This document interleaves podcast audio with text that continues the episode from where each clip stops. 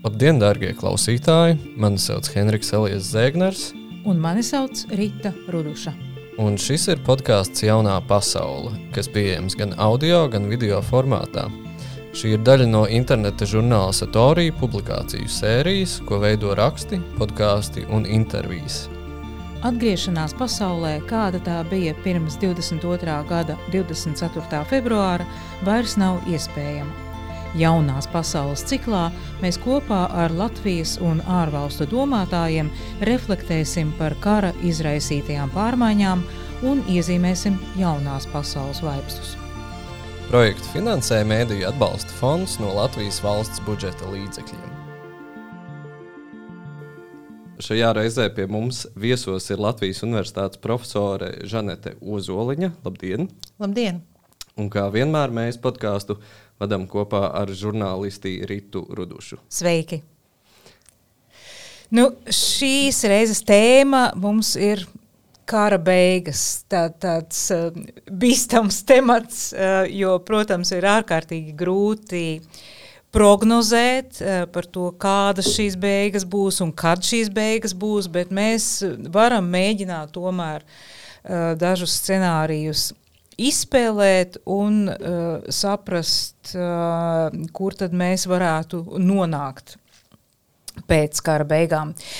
Un sākšu es ar rakstu, kuru par šo tēmu ir uzrakstījis Tomas Pildegovičs, uh, starptautiskās drošības eksperts. Raksta nosaukums, cik ilgi turpināsies karš. Tā vienkārši un skaidri. Um, un tā tad ievadam. Citāts. Puķins skaidri un nepārprotami signalizē, ka ir gatavs spēlēt garo spēli pēdiņās. Kremlis ir nospraudis kursu uz vispārēju ekonomikas un sabiedrības militarizāciju.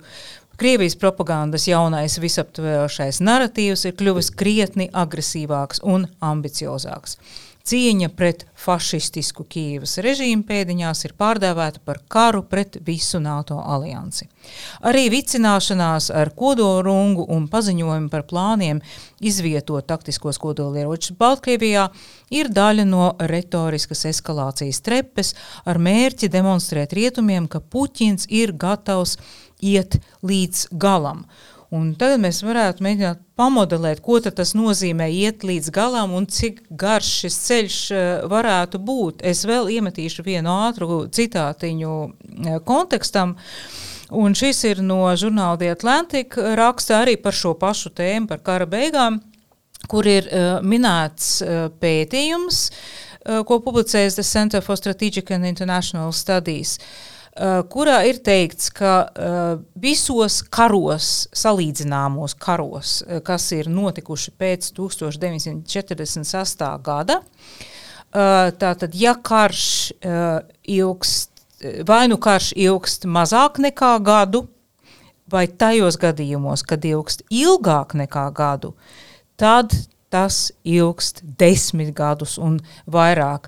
Un šīs ir tāds ļoti, šī ir biedējoša prognoze, ja to piemērotu um, Ukrainai. Kā tev šķiet, Žanet, vai mēs tiešām jau šajā brīdī varam runāt par to garo spēli, kas varētu būt patiešām daudzus gadus un, un līdz ar to arī iestiepties nu, tādā ilgākā laika periodā?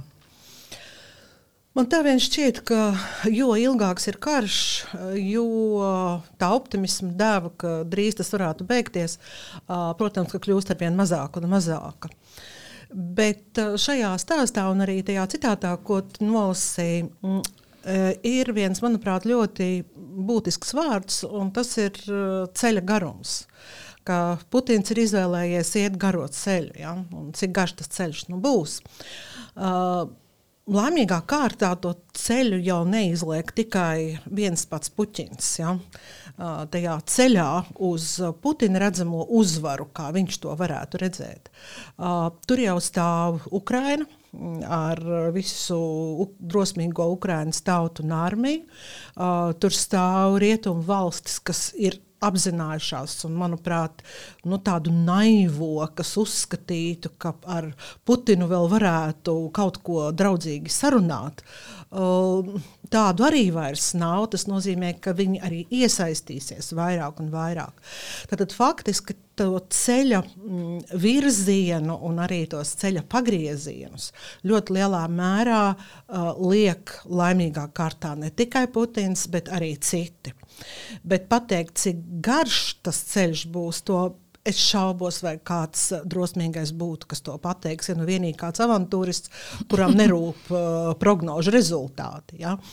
Bet uh, redzat, to garumu var noteikt tad, ja jūs skaidri zinat, kādu rezultātu beigās grib redzēt Putins. A, kādu viņš grib redzēt? Te viņš gribēja Kijevu, ja? Nu, tagad jāsaka Kijevu, viņš gribēja Kijevu, no Kijevas tad visu Ukrainu. Uh, pēc tam izrādījās, nu, ka nē, viņam tā kā to Donbasu un Luhansku, kā, nu, un arī, protams, tur tos dienvidus, nu, Odesu arī tā kā gribētos, vai ne? Nu, tā kā savākt visus tos dienvidus, vai varbūt tomēr nē. Un, manuprāt, tā ir arī viena no tām sarežģītām lietām tiem, kas būvē tos scenārijus. Ka tu jau tā īsti nezini, ko viņš tur beigu beigās grib. Ja? Nu, protams, ka labais scenārijs ir, ka ir kaut kādas absolūti falšas vēlēšanas, visi nobalso par kaut kādu ielikteni. Nu, protams, tas viss tiek izspēlēts. Un Ukraina atkal kļūst par it kā neatkarīga, bet nu, alā neatkarīga Ukraina. Uh, Putina kontrolē. Bet citi jau to tā neredz.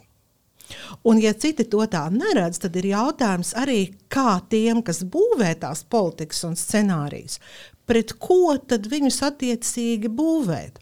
Un tā problēma šobrīd, manuprāt, ir tā, ka sākoties karam un redzot arī kara ļoti nežēlīgo un vardarbīgo gaitu, tad tas arī bija pats Zelenskis, Ukraiņas prezidents un arī citi rietumu līderi.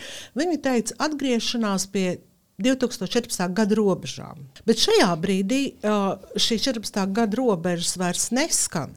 Tā vienkāršā iemesla dēļ, ka tas, ko, ko, ko, ko Putins ar, ar, ar Krievijas armiju ir savārījis Ukrajinā, tā, tie jau ir nu, tik vienkārši brēcoši starptautisko tiesību pārkāpumi, gan sākot no tā, no, no, no bērnu slepkavošanas, sieviešu izvarošanas, beidzot, protams, ar kaut kādiem absolūti glupiem uzbrukumiem ar ieročiem, kaujas laukā. Nu, jau vairs nevar runāt par to 2014. gadu. Ja? Tad faktiski šobrīd, nu, vismaz ja mēs skatāmies uz to situāciju, kas ir pat labā, tad šobrīd tā retorika vairāk iet uz to, ka Putins jau ir tik ļoti pārkāpis visu, ko vien var pārkāpt, ka nevar būt runa par piekāpšanos. Ka šobrīd tomēr rietumiem ir jābūvē tādas stratēģijas, kas diezgan skaidri pasaka, ka balts ir balts, melns ir melns. Un, ja tu galu galā mēģini mālēt kaut ko citās krāsās, tad tev ir jādabūna pa nagiem. Uh, To ir viegli pateikt, bet to ir grūti izdarīt. Ja? Um, es arī izlasīju uh, Tomas rakstu, un, un es vienmēr sāku ar beigām. un, un, tad tu zini, vai vērts rast tā, bet bija vērts. Uh, un, un Tomas saka, ka tas uh, risinājums, tu gribi vai nē, bet viņš ir militārs. Un tas ir kā bomba papīri, jo ne jau no 21. gadsimtā tu gribi redzēt karu, kur ir vienkārši nu, tāda militāra sakāve. Un tad, sāc, un tad es sāku to rakstu filmēt atpakaļ, ja? un lai kā man gribētos meklēt vēl kaut kādus iespējamos variantus, nu, principā šobrīd tā militārai uzvarai ir ļoti liela nozīme. Bet eh, tu saki, ka rietumos vairs nav naivo. Mēs varam to droši teikt, jo tieši no, tā, no tās naivuma un, un piesardzības pakāpes lielā mērā arī bija atkarīgi līdzšinietie tie kara posmi un mil, tieši arī militārā atbalsta apjoms. Nav mums vairs to naivo. Nē, nu varbūt es arī esmu naiva šajā brīdī. Uh, Redz, es skatos, tad, kad es saku rietumus, tad es tomēr lielākoties tos rietumus saprotu Eiropas Savienības dalību valsts, plus NATO dalību valsts, plus tās, kas ir nu, tie ciešie stingrie partneri. Ja? Uh, Un tas labais stāsts šajā brīdī ir tas, ka gan Eiropas komisija, lai man atvaino citas Eiropas institūcijas, bet tomēr tā ir galvenā izpildu institūcija, kas politiski definē un arī kā, mēģina koordinēt uh, visu to pozīciju. Eiropas komisijai ir ļoti stingra nostāja. Eiropas parlamentā ļoti stingra nostāja. Uh, NATO jā, un Ursulai Vanderlejenai vēl jau vairāk. Viņa tiešām iepratīja savam uh, tautietim, uh, jā, uh, kancleram uh, Šalcam runā pavisam citu valodu.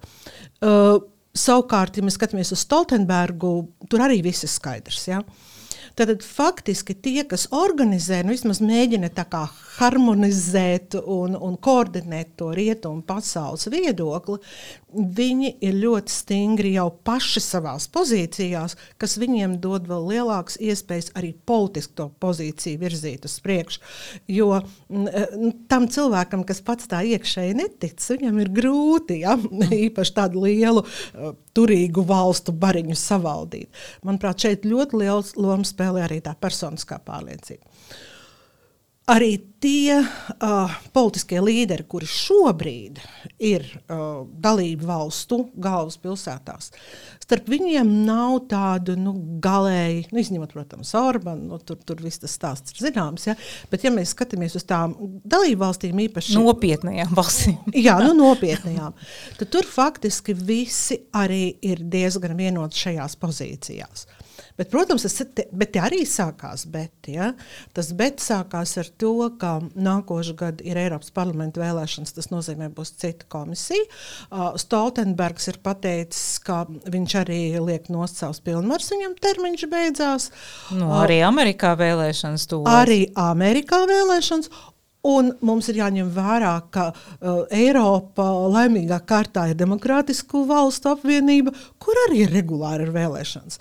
Bet nu, šajā brīdī es neredzu, ka Eiropā būtu kaut kādi apdraudējumi politiskās līderības nomaiņai. Ja? Uh, tā kā faktiski tas mans naivums, optimisms, sauciet to kā gribiet, viņš balstās tomēr arī uz to politiķu uh, analīzi, kuri ir iesaistīti lēmumu pieņemšanā. Ja? Un šeit tā aina izskatās diezgan cerīga. Uh, bet kur, kur ir vēl tā problēma? Tā problēma ir tā, ka karš ir atstājis ekonomiskas un sociālas sekas gan Eiropā, gan arī Amerikā.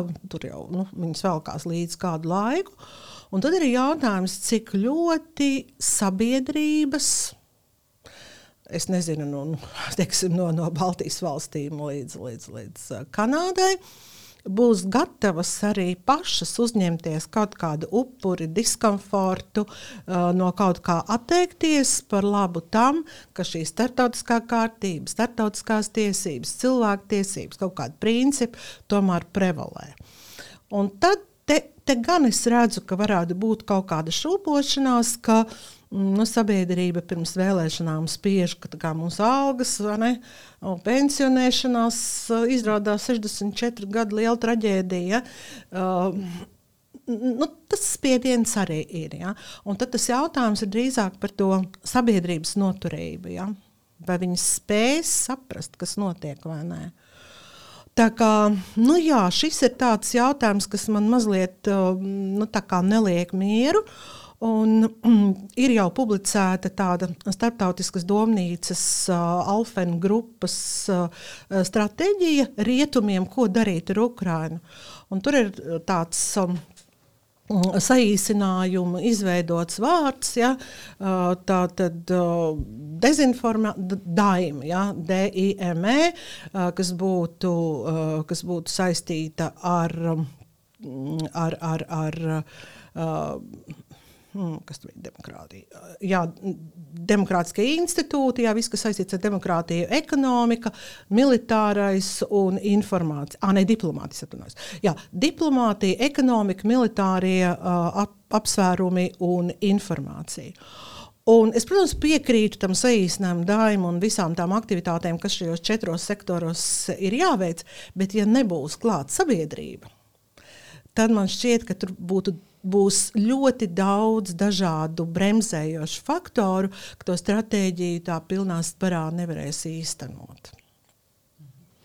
Jā, es uh, klausoties, kā tu Rīta tagad citē par tiem desmit gadiem, uh, arī iedomājos par to, ka, kas ir tas atskaites punkts, jo ir jau arī tie divi ieskati, vai mēs skaitām 22. gadu, vai mēs skatāmies atpakaļ uz 14.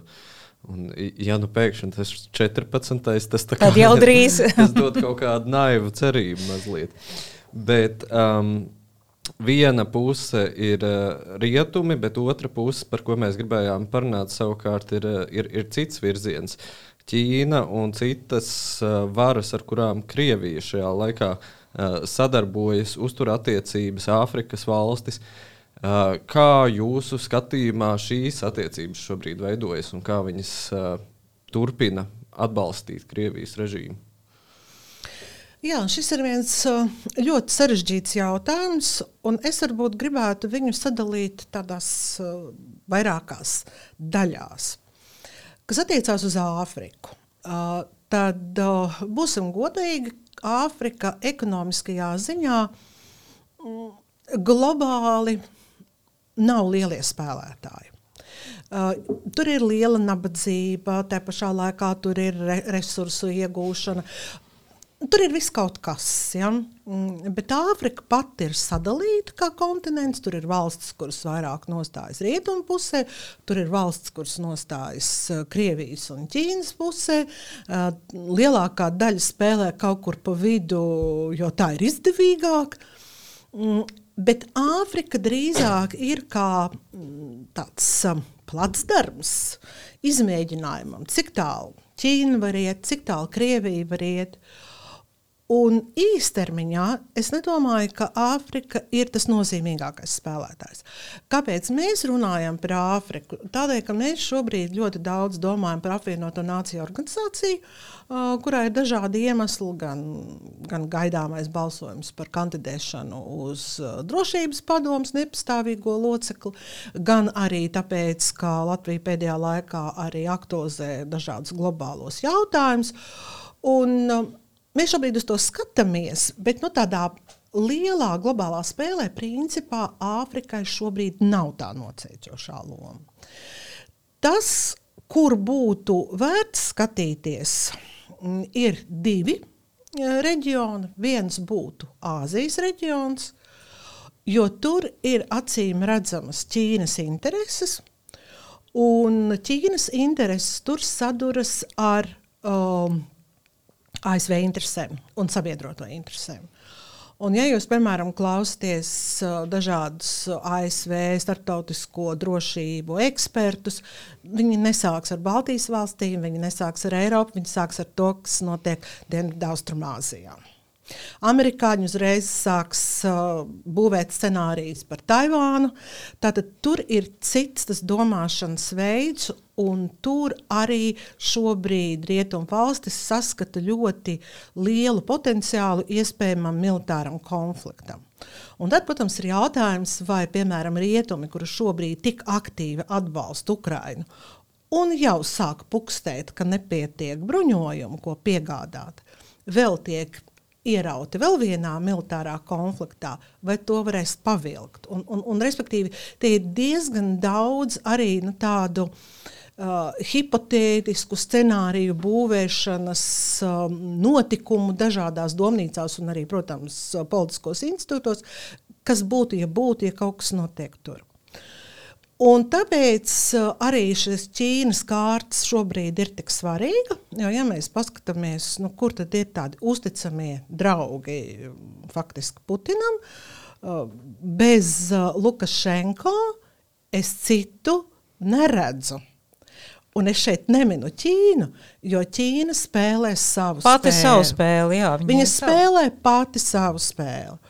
Un, ja mēs paskatāmies atpakaļ, tad, kad um, Trumps bija ASV prezidents, viņš li lietoja ļoti skarbu retoriku pret Ķīnu. Daļai, kas bija pamatota. Ja? Bet ar Ķīnu ir tā, ka e, Ķīna ir tā kā viena tāda cimperlīga jaukundze. Ja? Šausmīgi emocionāli. Protams, viņa nav vairs jaukundze, bet em emociju ziņā viņa var tik tiešām ar, ar, ar vienu tādu cimperlīgu būtni salīdzināt. Un, ja jūs kaut ko pasakāt, viņi momentāli sāk histēriski runāt pretī, un emocionālā retorika Ķīnai aiziet uz augšu. Un jūs domājat, oh, tūlīt, tūlīt jau būs. Nu, bet patiesībā viņi jau noplok. Ja? Nu, gluži tāpat kā tāda simperlīgā jaunkunsts. Viņai piedāvā bombongu un, un viss ir atkal kārtībā. Ja? Un, un, un, un ar Ķīnu ir kaut kur līdzīgi. Un tā problēma ir tā, ka mm, politiķi vairāk reaģē uz to Ķīnas retoriku. Ja? Bet uh, to ekspertu viedokli, kas saka, nu, tur ir tādi kanāli, kur tu to Ķīnu vari vēl ietekmēt. Ja? Un tas ir pārāk sarežģīti. Ja? To, to, to kā negribas darīt. Ja?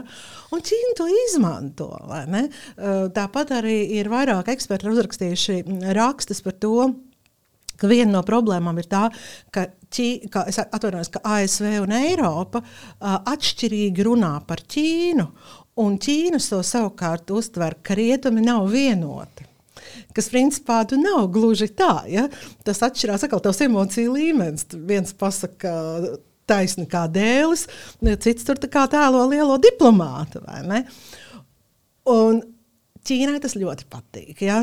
Aha, rekus ceļās. Ja? Šajā brīdī varētu tā, šajā brīdī varētu šādi. Eh, tad, kad Krievija sāka karu Ukrajinā, viņi cerēja, ka ļoti drīz Ķīna pievienosies viņai visā. Ja? Palīdzēs ar aizdevumiem, bankas eh, izveidos vienotu sistēmu, piegādās ieročus. A, kur tas viss ir? A, kur tas viss ir? Ja? Principā ja, Krievija nav no Ķīnas sagād, sagaidījusi neko taustāmāku, izņemot to, kas arī ir būtiski, ka Ķīna nav nosodījusi karu Ukrajinā. Tad viņi klusē. Bet viņi spēlē savu spēli. Un tāpēc ir jābūt ļoti uzmanīgiem arī rietumiem šajā brīdī, ka ir jādomā tā retorika, vai kā moderni teikt, narratīva, kurus tu lieto, kad tu runā par Krieviju un kad tu runā par Ķīnu. Manuprāt, vismaz mana personiskā analīze, un es sekoju līdzi uh, gan Krievijas, gan Ķīnas notikumiem. Uh, likt viņus vienā un tajā pašā maisā nebūtu pareizi, jo tas samazina iespēju. Mēs sākumā runājām par tā ceļa garumu, par ceļa garumu. Ceļa, ceļa garumu ja? Ka Ķīnā ir savs vārds arī sakāms šajā garumā. Un es nerunāju par to šo, šī brīža desmit punktu miera plānu. Tas, tas, tas nu, nav nekāds plāns. Nē, nu, tas ir paspēlējās. Ja? Bet es runāju par to, ka nu, tas ceļš jau būs garāks, ka Ķīna tur arī var kādu akmentiņu tajā uh, bruģītī ielikt. Vai, Bet, ja mēs runājam par citām, ticim, vēl pavisam nesen diezgan spēcīgā Krievijas ietekmē esošām valstīm, tiksim, Armēnija, Uzbekistāna, Kazahstāna, Kirgistāna. Uh, tur arī vairs nav, vairs nav tādas vienotas frontes. Ja? Ir ļoti daudz nianšu, uh, ir interesanti šajā kontekstā vērot gan to, kas notiek Armēnijā, kas, kas kara sākumā bija ļoti stabila. Krievijas atbalstītāji pēc tam sāka šūpoties un kaut kur slīdēt prom. Mēs zinām, ka viņi uh, parakstīja uh, tātad, uh, dokumentus, kas, kas nozīmē, ka, ka tātad, uh, ja Putins iebrauc Armēnijā, tad arī tur viņu vajadzēs arestēt. Vai Grūzija, kur, kur, kur tauta ļoti aktīvi atbalsta Ukrainu, bet savukārt valdība kā svaras citā virzienā. Eh, kādi būtu komentāri par, piemēram, šiem diviem spēlētājiem? Kā ir mainījusies tā attiecību dinamika starp Krieviju un, un valstīm gar, gar tās robežām? Ļoti, ļoti būtiski mainījusies, kas varbūt no pirmā acu uzmetiena nav pamanāms.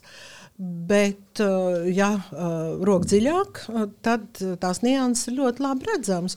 Un vēl tas teica, ka kurš tad ir draugs Putinam, tikai Lukašenko. jo no šīm valstīm, tā saucamajām bijušajām ja, padomu, padomu savienības valstīm, tur jau vairāk tādu lielu draugu nav. Ja?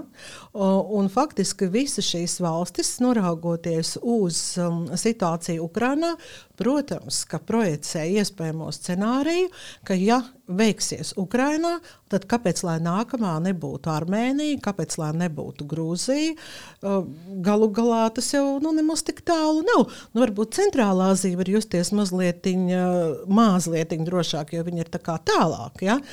Bet, nu, protams, robežojās daļa valstu, bet vismaz viņas teiksim, nav tajā pirmajā apetīta skumosā, protams. Bet uh, Moldova ir nobežījusies ļoti pamatoti, un viņi tiešām šobrīd strādā arī uh, pie iespējamiem militāru uzbrukumu scenārijiem un kā tos atvairīt. Uh, Grūzija, ņemot vērā gan. Uh, gan Abhāziju, gan ņemot vērā uh, Dienvidosetiju.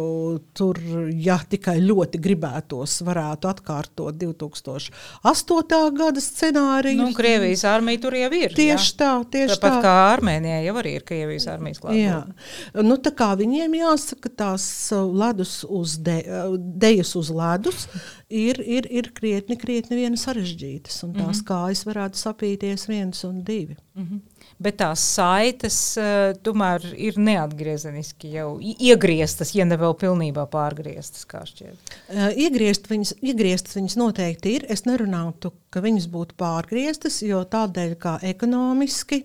Uh, tik tiešām tā intensitāte starp Krieviju un šīm valstīm tomēr ir diezgan spēcīgas. Un, un, un, un ņemot vērā to, ka lielākā daļa šo valstu, es varbūt mazliet izceltu Kazahstānu, jo uh, dēļ resursiem viņa ir uh, labākā ekonomiskā situācijā, bet tur ir citi tie savstarpējās atkarības kanāli.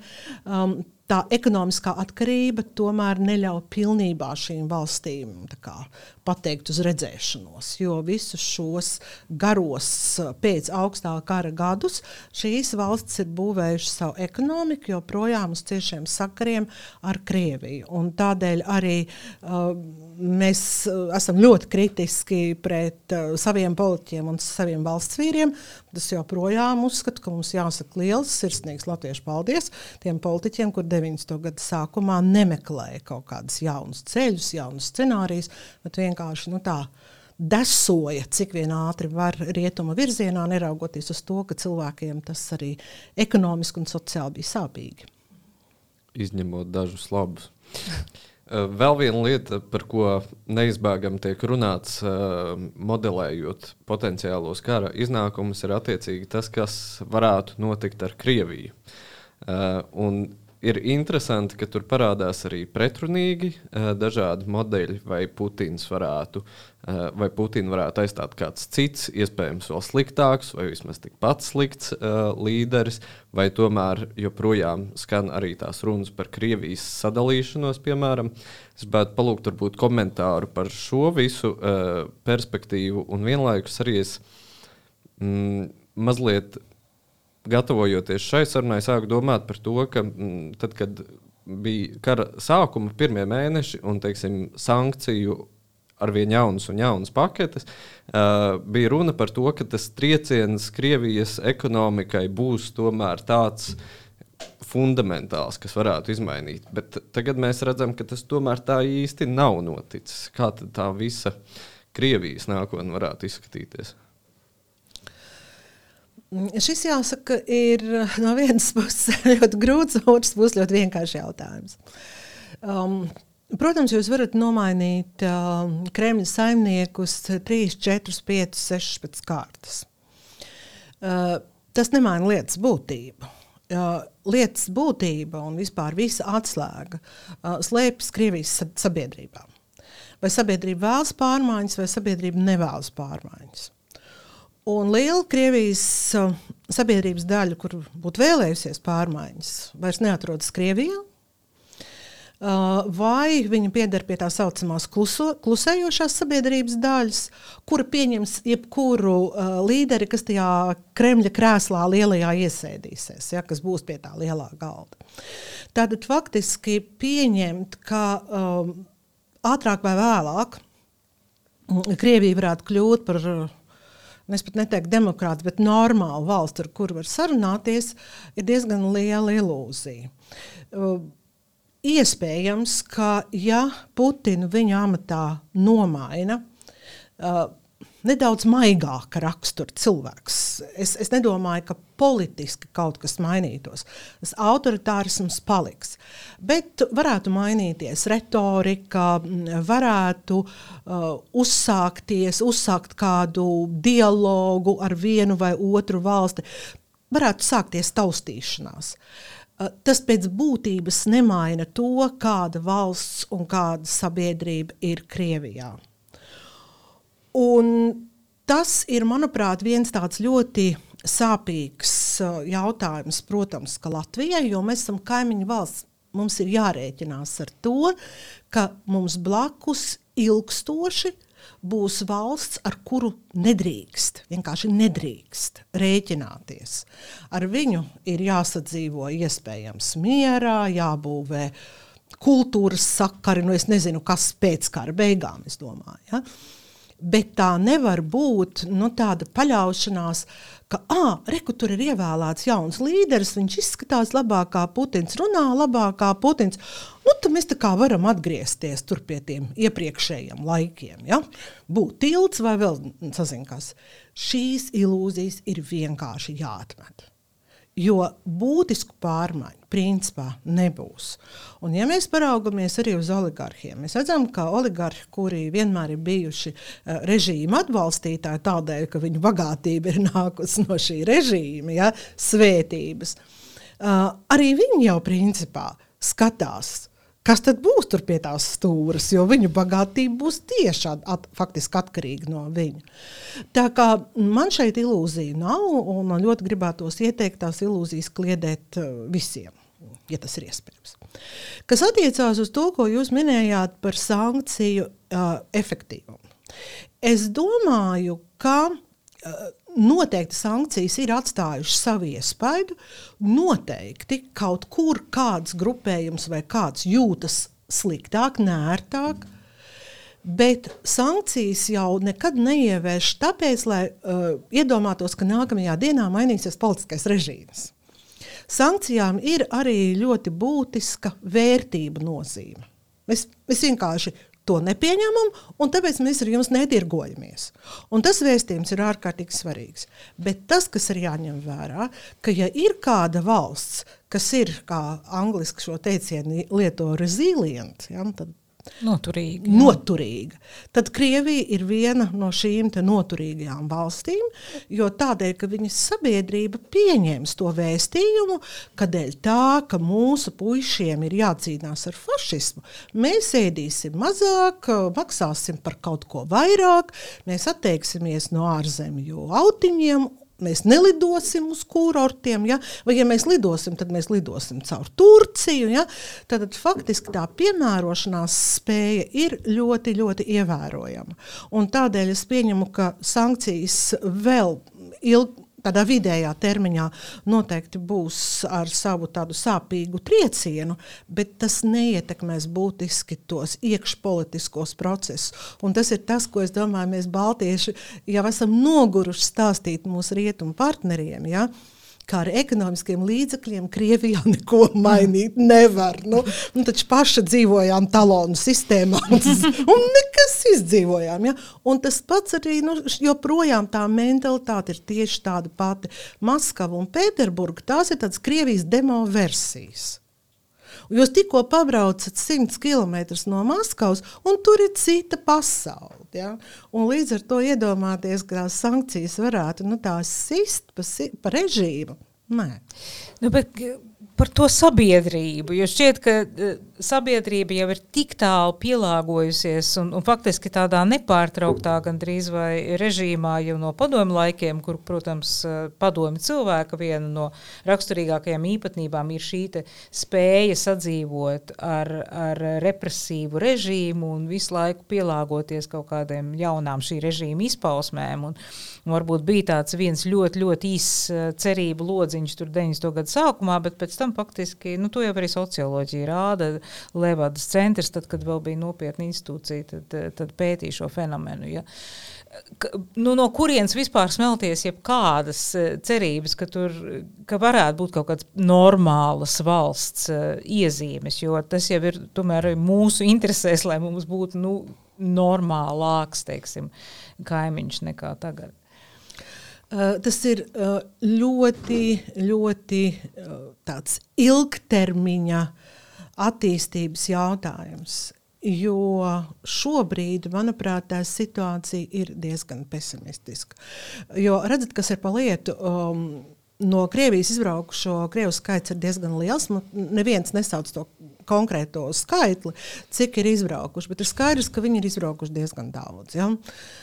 Uh, pat ja mēs iedomājamies, ka šie mm, demokrātiski domājošie vai vismaz uz demokrātiju orientētie un pārmaiņas gribošie cilvēki uh, vienā brīdī caur sociālajiem tīkliem apvienosies, sāks komunicēt un būvēt kaut kādu uh, kopienu, kur skatās ar atvērtām acīm uz pasauli, uh, viņi ir svešķermenis Krievijā.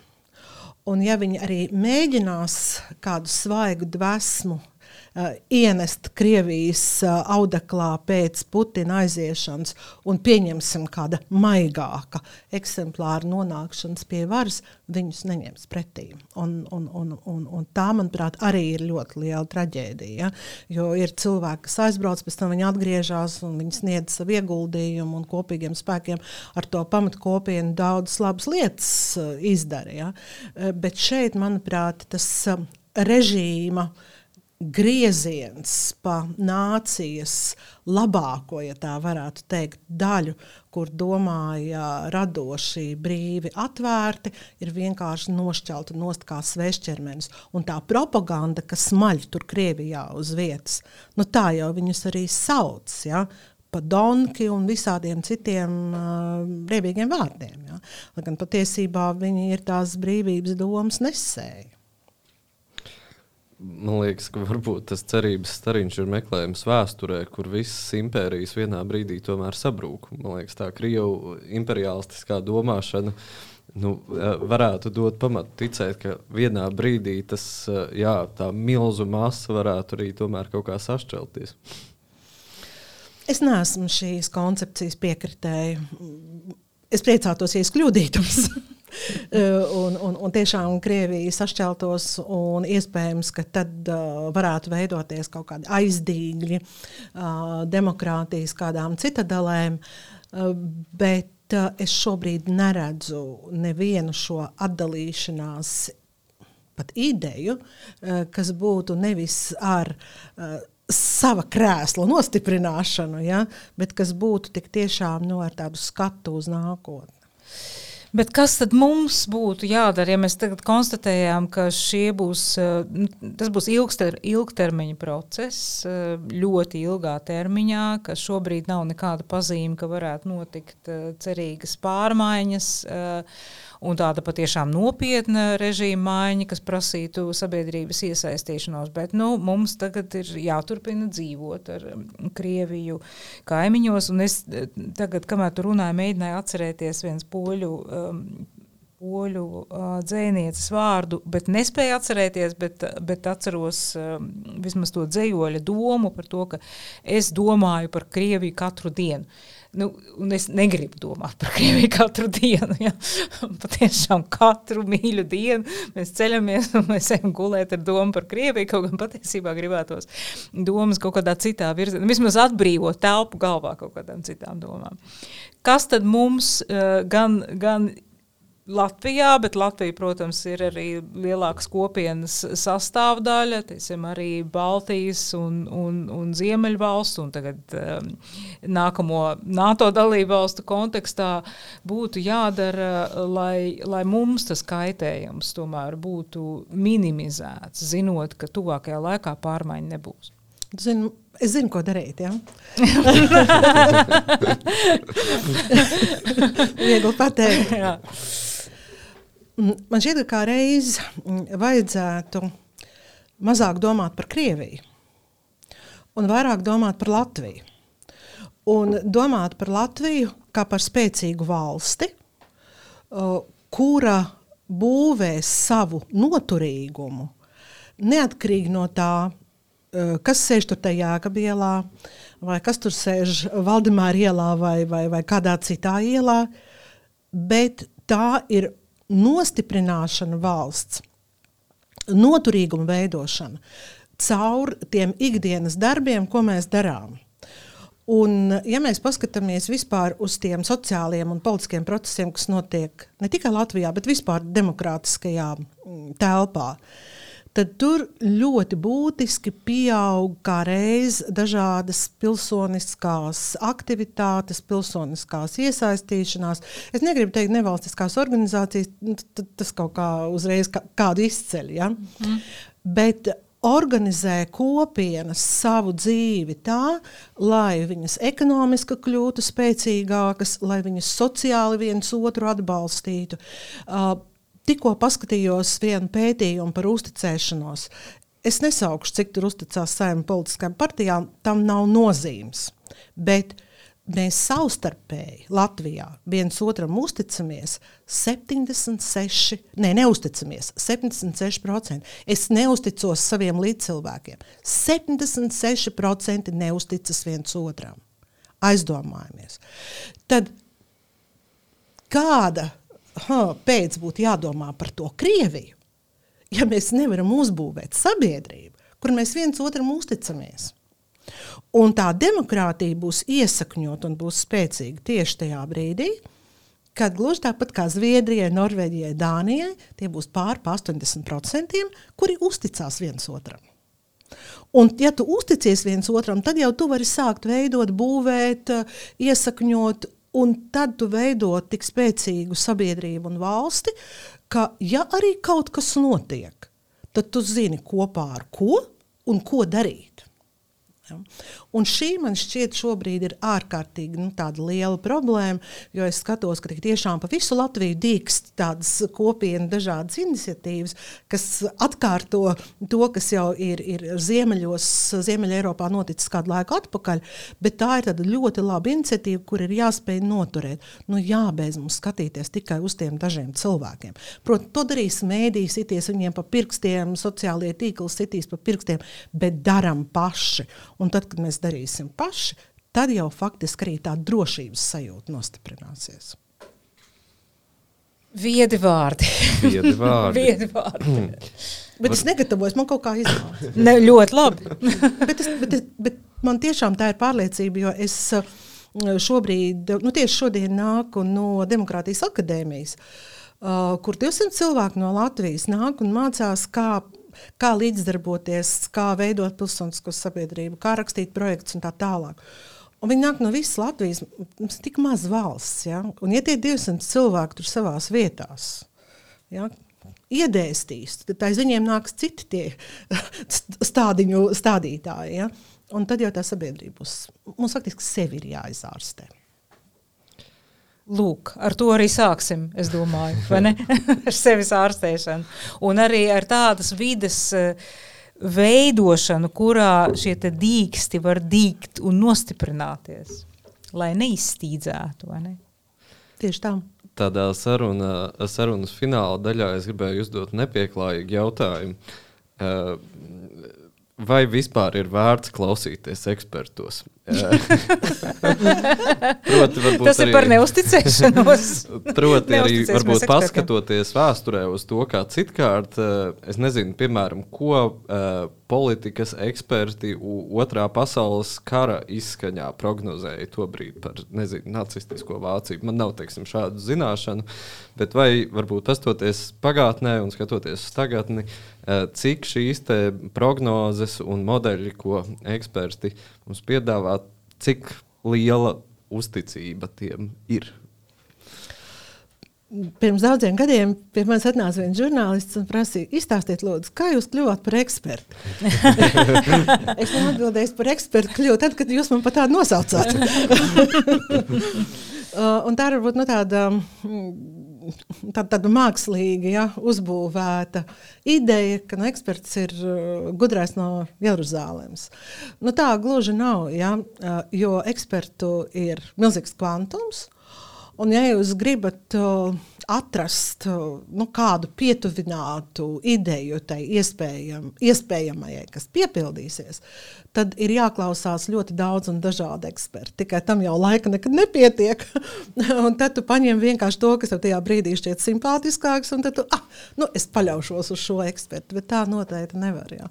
Jo es tikko pieminēju arī to Zelfenu grupu, to jauno mm, domnīcu, kas ir, ir, ir tāda nu, virtuāla domnīca. No vadošām pasaules domnīcām apmēram 50, 60 cilvēki darbojās. Un, uh, tur ir tāds kokteils, ja? tur ir, uh, nav, nav, nav liels noslēpums, ka runā frančūži, ko viņi runā, ja? kad amerikāņi, ko viņi runā. Bet tur jau ir tā lieta, tā, tā, tā uh, tuvošanās tai objektivitātei veidojās tikai tad, kad jūs sakrustojat dažādas viedokļus, plus uh, ekspertu viedoklim pieliekat klāt arī politiskos dokumentus, ne gluži to, ko karstumā izspļauj, kā piemēram Makrons par to NATO smadzeņu nāvi, ja? bet paskatās, kas ir rakstīts dokumentos, tad, protams, ir ļoti būtiski arī paskatīties sabiedriskās domas pētījumus, jo demokrātiskajās valstīs jo īpaši sabiedrība diktē politiķim, cik tālu un ko viņš var darīt. Tas ir ļoti sarežģīts analītisks darbs, protams, tu var nosaukt kritiskā domāšana, bet nu, tas gluži nav ja? analītiskā domāšana. Tā tad daudz lasīt, dažādus ekspertus. Jā. Nu, vismaz simboliski iepriecinošs tā teikt, ziņu virsraksts pēdējā laikā savukārt ir par aresta ordeni Putinam. Bet vai ordeni ārpus... man patīk tavu pārteikšanās? Tas ir labi. Tas ir labi. Jā. Tiešām ordens. Lūk, vai tam ir tikai jūsu ieskatā simboliska šobrīd nozīme, vai tas tomēr varētu būt arī kaut kāds pagrieziena punkts? Es nesauktu to par pagrieziena punktu, bet es teiktu, ka tam ir ļoti liela nozīme. Uh, jā, simboliski, bet politikā sim simboliem ir ļoti liela nozīme. Uh, un arī tā, tam ir praktiskas sekas. Nu, piemēram, uh, ja nu, pieņemsim atkal kaut kas notiek un situācija normalizējās. Tad viņš jau principā nevar braukt uz uh, samitiem, viņš nevar piedalīties nozīmīgās tikšanās, un uh, tādam kā Putinam tas ir sāpīgs trieciens. Jo viņam jau patīk būt kopā ar tiem varenajiem un lielajiem. Ja, ja viņš nevar būt ar lielajiem varenajiem, tad viņam galds un karogi ir lieli. Bet viņam vajag kaut ko lielu. Ja? Un tas orderis ordenis. Viņam neļauj būt lielam, viņš ir maziņš, maziņš. Un tas arī sit pa viņu to iekšpolitisko ticamību. Vai tiešām viņš ir tik varens līderis, ja viņš tur nekur nebrauc? Ja? Tā kā es teiktu, abi gan simboliskie, gan arī praktiskie. Aspekti. Beidzot, kaut kas cerīgs. Jā, izpū, izpūties baloniņš, faktiski gaiss ir izpūsts ar to pārduršanu. Bet, eh, bet eh, man tiešām ļoti patīk tā eh, pārteikšanās, jo savā ziņā tas arī ir ordenis par visu to, ko viņš ir sadarījis. Ne? -hmm. Nu, varbūt, ja, ja mēs esam nonākuši pie kaut kā optimistiska, pie tā arī paliksim. Un, pie tā arī paliksim. Jā, paldies, Žanet, par sarunu. Paldies, Rīta. Paldies skatītājiem, klausītājiem. Šis ir pēdējais podkāsts šajā sērijā bet nākotnē droši vien nesīs jaunas idejas, un jaunu saturu un jaunus podkāstus. Bet jaunā pasaule, kā Satorija publikāciju sērija turpinās, un drīzumā tiks publicētas vairākas intervijas, kur Rita runā ar dažādiem cilvēkiem. Vai tu gribi kaut ko piekomentēt par gaidāmajām Es runāšu ar vairākiem cilvēkiem, kurus es nosaucu par ekspertiem, un tādi viņi tagad ir kļuvuši. Tā, nu paldies par jūsu uzmanību. Uh, turpinam cerēt. Visu labu! Visu labu! Visu labu.